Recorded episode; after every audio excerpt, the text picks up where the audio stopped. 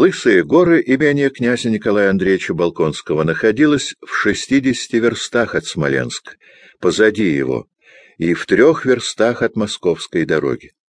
Получив все приказания, Алпатыч, провожаемый домашними, в белой пуховой шляпе, княжеский подарок, с палкой, так же, как князь, вышел садиться в кожаную кибиточку, заложенную тройкой сытых соврасах. Колокольчик был подвязан, и бубенчики заложены бумажками. Князь никому не позволял в лысых горах ездить с колокольчиком. Но Алпатыч любил колокольчики и бубенчики в дальней дороге. Алпатыч, приехав вечером 4 августа в Смоленск, остановился у дворника Ферапонтова, у которого он уже тридцать лет имел привычку останавливаться. Ферапонтов двенадцать лет тому назад с легкой руки Алпатыча, купив рощу у князя, начал торговать и теперь имел дом, постоялый двор и мучную лавку в губернии. На другой день Алпатыч надел камзол, который он надевал только в городе, и пошел по делам. В присутственных местах, в лавках, на почте — все говорили о войске, о неприятеле, который уже напал на город. Все спрашивали друг друга, что делать, и все старались успокоивать друг друга.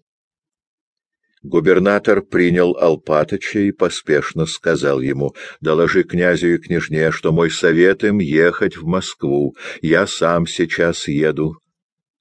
Алпатыч собрал свои покупки, передал их вошедшему кучеру — расчелся с хозяином. В воротах прозвучал звук колес, копыт и бубенчиков подъезжающей кибиточки. Вдруг послышался странный звук дальнего свиста и удара, и вслед затем раздался сливающийся гул пушечной пальбы, от которой задрожали стекла. Это было бомбардирование, которое в пятом часу приказал открыть Наполеон по городу из 130 орудий. Народ первое время не понимал значения этого бомбардирования. К сумеркам канонада стала стихать. Алпатыч кликнул кучера, велел ему выезжать. Когда Алпатыч выезжал из ворот, он увидал, как в отпертой лавке Ферапонтова человек десять солдат с громким говором насыпали мешки и ранцы пшеничной мукой и подсолнухами. В то же время, возвращаясь с улицы в лавку, вошел Ферапонтов.